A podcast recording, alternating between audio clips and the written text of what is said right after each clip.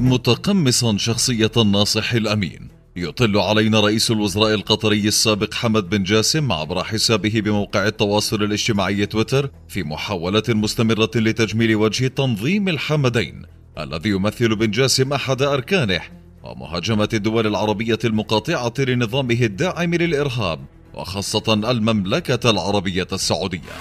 الشيطان يعم.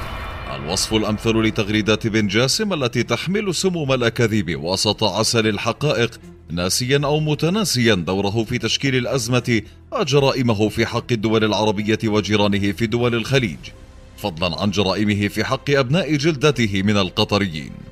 الشيطان برع في التلون والتحول محاولا تبرير وجود قواعد عسكرية أجنبية على أرض بلاده.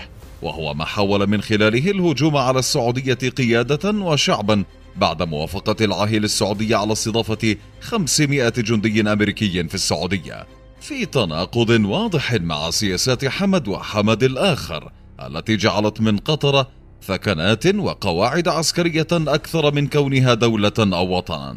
مهندس المؤامرة القطري نسي أو تناسى دوره التخريبي في منطقة الشرق الأوسط بداية من تأسيسه قناة الجزيرة بتعليمات من أمير قطر السابق حمد بن خليفة الضلع الثاني من تنظيم الحمدين مرورا بدوره في دعم التنظيمات الإرهابية في كل الدول العربية التي وصل إليها إرهاب نظامه وأفكار تنظيم الإخوان الإرهابي المتحكم الفعلي في حكم البلاد.